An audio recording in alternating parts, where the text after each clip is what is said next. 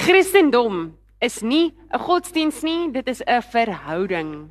Dis nie 'n godsdiens nie, dis nie 'n tradisie nie, dis 'n verhouding met God. Hoekom praat ek met Deje? Hy's my man vir die van julle wat gewonder het. Hoekom praat ek met hom?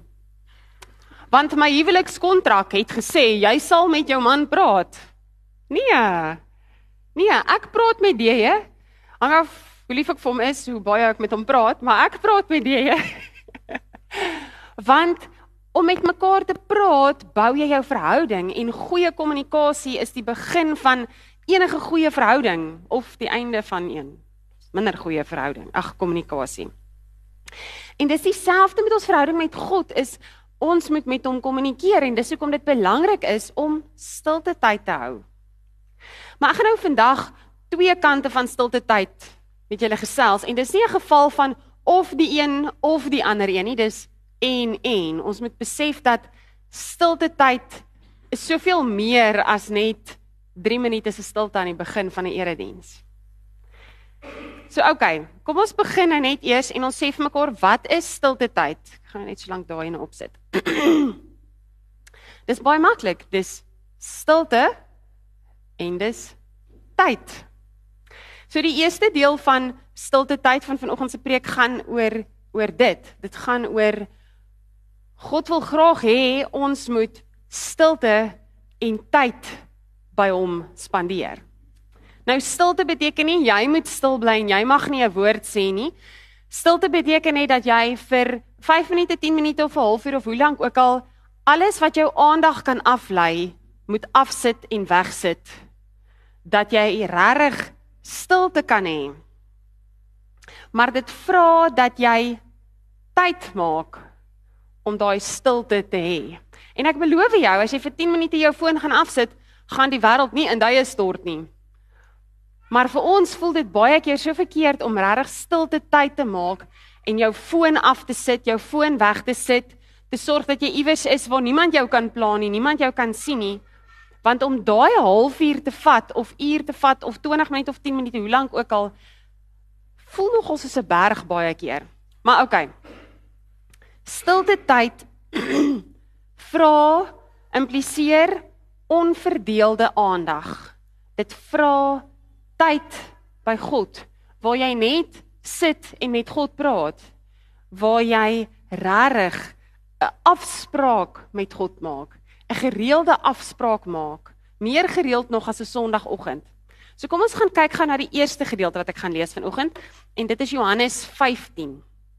Ek gaan lees Johannes 15 vers 1 tot 4 en dan gaan ons later Matteus 11 ook lees. Johannes 15 vers 1 tot 4 praat oor die ware wingerdstok. En daarso staan, dis Jesus wat hier praat. Ek is die ware wingerdstok en my Vader is die boer. Elke loot aan my wat nie vrugte dra nie, sny hy af. Maar elkeen wat vrugte dra, snoei hy reg sodat dit nog meer vrugte kan dra. Julle is alreeds reg gesnoei deur die woorde wat ek vir julle gesê het. Julle moet in my bly en ek in julle. 'n Loot kan nie uit sy eie vrug dra as hy nie aan die wingerdstok bly nie. En so julle ook nie as julle nie in my bly nie. My verskriklike mooi metafoor van die wingerdstok. Maar dit is so waar. 'n Wingerdstok, 'n loot kan niks vrugte dra as hy nie aan die basis vas is nie. As hy nie daar is waar die ding in die grond gaan, waar daar wortels is, waar daar water is nie. So dit is so belangrik vir daai loot om aan die stok vas te bly. Maar as daai loot niks uit die stok uittrek nie, niks water of krag uit daai stok uittrek nie, dan gaan dit 'n loot wees wat nie vrugte dra nie, dan word hy afgesny. So mense neem aan dat loot sê hoorie stok, ek soek iets by jou. En as ons hierso lees, dan sê Jesus ons moet so by hom wees. Nie sê Jesus ek soek iets by jou nie, Maar ons moet geanker wees daar by hom. Ons moet by hom wees. Ons moet by hom hoor wat is dit wat hy vir ons lewens wil hê. En al hoe ons dit kan doen is as ons goeie verhouding met hom het. As ons geanker is in hom en 'n goeie verhouding vra, goeie kommunikasie. Want as ek en jy nooit net 'n one-on-one gesprek met mekaar het nie, wat gaan gebeur? Ons gaan totaal by mekaar verbyleef want ek gaan nie weet hoe lyk sy program nie, hy gaan nie weet hoe lyk my program nie, buiten vir dit wat hy op Google Calendar sien nie. Ons gaan nie weet is dit vir jou 'n goeie dag, is dit vir my 'n goeie dag nie. As ons nooit aan die einde van 'n dag vir mekaar in die oë kyk en sê, "My skat, hoe was jou dag? Het jy lekker gewerk?" en vir mekaar omgee en met mekaar praat en luister nie, dan gaan hierdie verhouding nie werk nie. En net so met God en God vra vir ons, "Kom wees by my." En jy sal vrug dra. Ek gaan nie vra wie van julle doen rotine stilte tyd nie want dit is nie vir ons almal so maklik nie. Maar as jy rotine stilte tyd kan doen, is dit ongelooflik om te sien hoe jou ander ritmes en rotines in jou lewe ook net meer in plek val. As jy jouself kan kry om elke dag op dieselfde tyd stilte tyd te hou, regtig stil te word by die Here, geanker te wees by Jesus, dan is dit ongelooflik hoe jou tyd net beter raak vir al die ander dinge in jou lewe. Dit is regtig so. Toets dit. Doen dit vir 'n week. Doen vir 'n week dit. Staan vir 'n week elke oggend 10 minute vroeër op en spandeer 10 minute. Dit hoef nie 'n halfuur te wees nie, dit hoef nie 'n uur te wees nie. Spandeer 10 minute in totale stilte sonder dat iets jou aandag aftrek by Jesus. Maar nou, dit moet nie 'n lysie ding word nie. Dit moet nie 'n ding raak soos Okay. het jy tande geborsel al vanoggend? Het jy jou klere aangetrek? Het jy jou tas ingepak? O, het jy stilte tyd gehou? Verstaan, dit kan vir as jy besig is om jou kinders te leer van daai rotine van godsdiens, kan 'n deel van hulle oggendlysie wees, ja. Maar vir elkeen van ons moet dit gegrond wees in ons verhouding met God. Dit is wat ons moet dryf om elke dag by hom te wil stil wees. Hoe jy dit doen, hang van jou af. Of jy jou wekker reg vroeër stel, vir my is dit die beste om my wekker vroeër te stel, so ek staan vroeër op en dan het ek stilte voor almal in die huis wakker is. Maar dit is vir jou om te besluit wanneer jy dit doen, of dit 5 minute is en of dit 'n uur is, dit maak nie saak nie. Hoe jy dit struktureer is ook dit maak nie saak nie. Jy kan 'n dagstukkie boek gebruik, jy kan net Bybel lees, jy kan net bid, jy kan sommer net in die natuur gaan sit. Maak net tyd om stil te word by God. Want as ons God 'n prioriteit maak en ons verhouding met hom 'n prioriteit maak en reg tyd maak om stil te word by hom, dan sal ons sien al ons ander prioriteite val ook net in plek. Dit dit, dit raak net. Dis nie asof jy dan minder tyd het vir die ander goed nie. Dis ongelooflik hoe dit werk. Maar nou gebeur die volgende.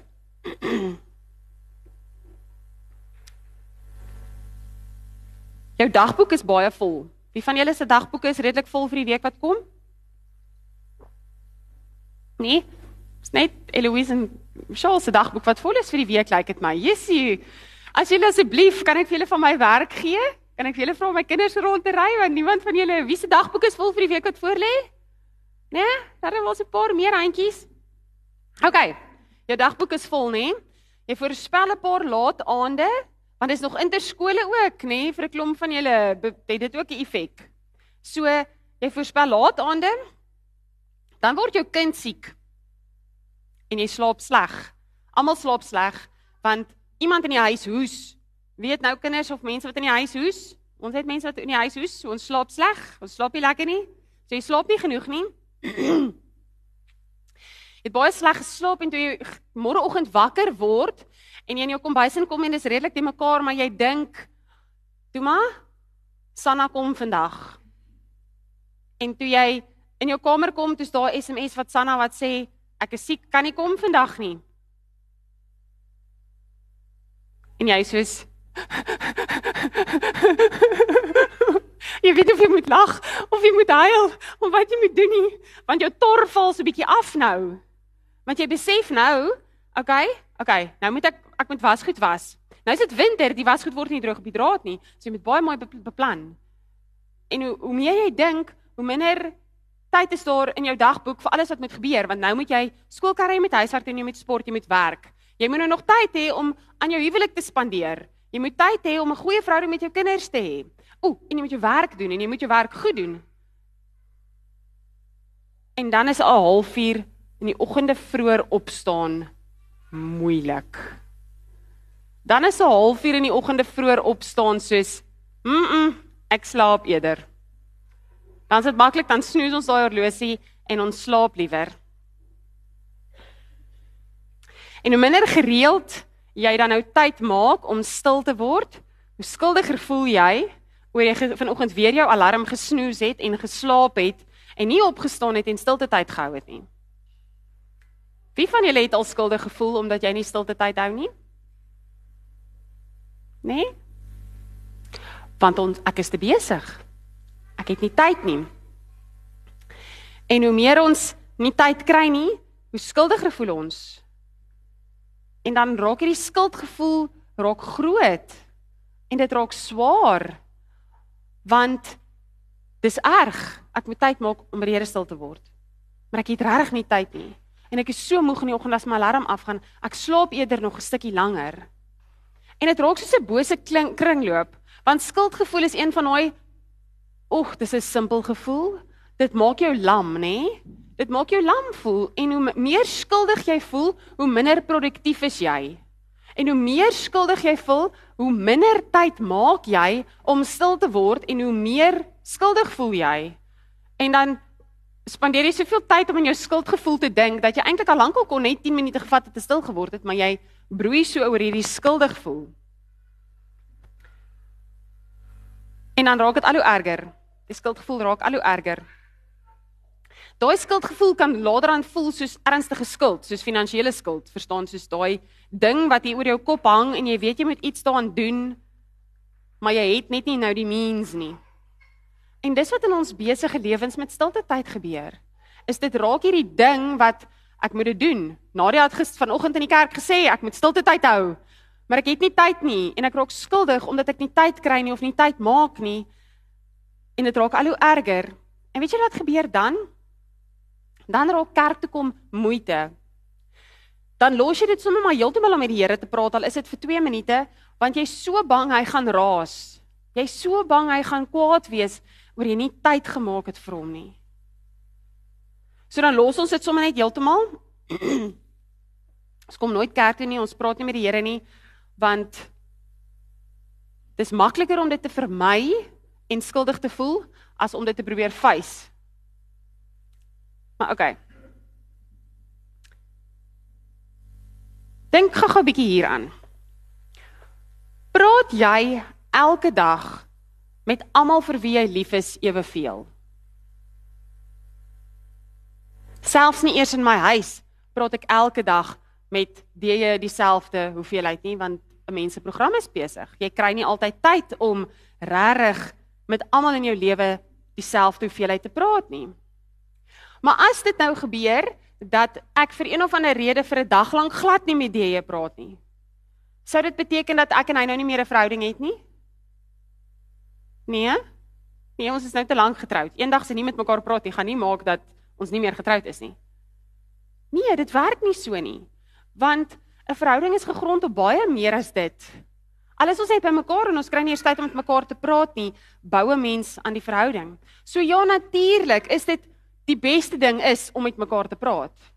Dis die beste ding. Goeie kommunikasie is verskriklik belangrik. Maar as jy nie tyd kry nie, is dit ook oukei. Okay.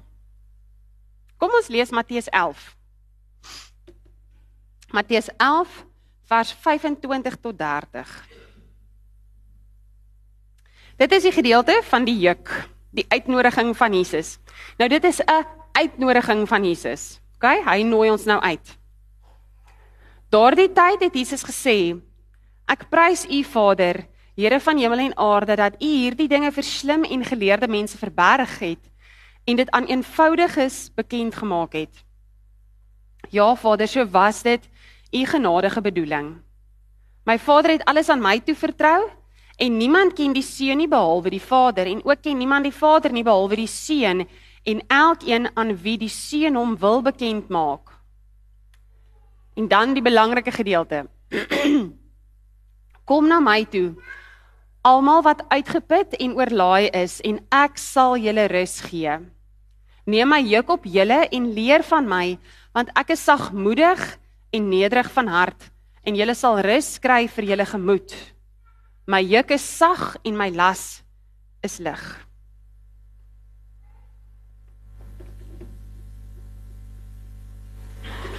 Jesus se las is lig. As 'n mens saam met hom ingespan is. Wie van julle glo dat God altyd oral teenwoordig is? Ja, God is altyd oral teenwoordig. Ons glo dit. Ofwel julle sê, julle sê julle glo dit. OK. So sou julle met my saamstem dat Jesus nie hier sê jy moet elke oggend 5uur opstaan dat jy ten minste 'n uur van stilte by my kan hê. Nee, Jesus sê dit daar. Nee, nee, hy sê my las is lig. My juk is sag. My juk is sag, my las is lig. Sê Jesus daar manipuleer hy ons en sê as jy nie by my kom stil word nie, dan gaan ek my rug op jou draai en dan gaan ek hierdie juk op jou rug al hoe swaarder en swaarder laat voel. Nee, dis nie wat Jesus sê nie. Jesus sê nie spandeer ure in stilte tyd by my ten koste van goeie slaap en 'n gesonde leefstyl nie. Jesus sê nie voel skuldig omdat jy nie stil word by my nie. Jesus sê die realiteit is as jy by my kom stil word, gaan jy rus en vrede kry. Maar wat is belangriker nog in hierdie gedeelte? Wanneer sê Jesus is daar rus en vrede? As jy saam met hom werk. As jy ingespan word soos 'n os ingespan word dan is daar rus en vrede by Jesus. Nou maak dit amper glad nie sin nie. Maar okay. dit als in ag geneem. Soos hierdie stukkie lees. Het jy al gedink dat as jy op jou besigste is, as jy so besig is, daar is nie daar's nie tyd as jy die tande paste se doppie laat val op die grond, dan is jy laat dis hoe besig jy is. Daar's nie eers tyd vir daai nie. Soos jy laat lê hom net daar op die grond want jy gaan nie hom kan optel nie, daar's nie tyd nie. As jy so besig is en jy stap uit jou huis uit en iemand kom van voor af en jy glimlag vir hulle. Weet jy wat doen jy dan? Jy glimlag vir God. Nee, ek het vir hierdie vreemde persoon geglimlag. Nee, God is daar teenwoordig, so jy het nou net sopas vir God geglimlag. As jy op jou besigste is en jy's besig om kos te maak en jy's besig om vir jou gesin te sorg of jy is besig om net jou kind vas te hou. Weet jy waarom jy sê besig? Stilte tyd by die Here te hê. Het jy al daaraan gedink? Dat om vir jou gesin te sorg, om vir iemand te glimlag, om iemand 'n druk te gee, is so goed soos om stilte tyd by die Here te hê. Want hy is oral. Hy is oral. Hy is by jou as jy daai dagboek vol skryf. Hy is oral. As jy en jou vrou of jou man intiem verkeer, is jy in God se teenwoordigheid. As jy gaan draf in die berg, is jy in God se teenwoordigheid. As jy tyd maak vir jouself om bietjie na jouself te kyk, is jy in God se teenwoordigheid. God is nie net elke oggend 5 uur daar op 'n spesifieke stoel nie. Dis nie al waar hy is en dis waar hy vir jou wag en as jy nie daar by hom gaan stil word dan het jy hom gemis nie. God is nie net op 'n Sondagoggend hier nie. Hy is hier ook. Maar hy is oral. Hy's ook daar waar jy jou werk goed doen. Daar waar jy met oorgawe leef. Ook daar is jy besig om stilte tyd met die Here te hou.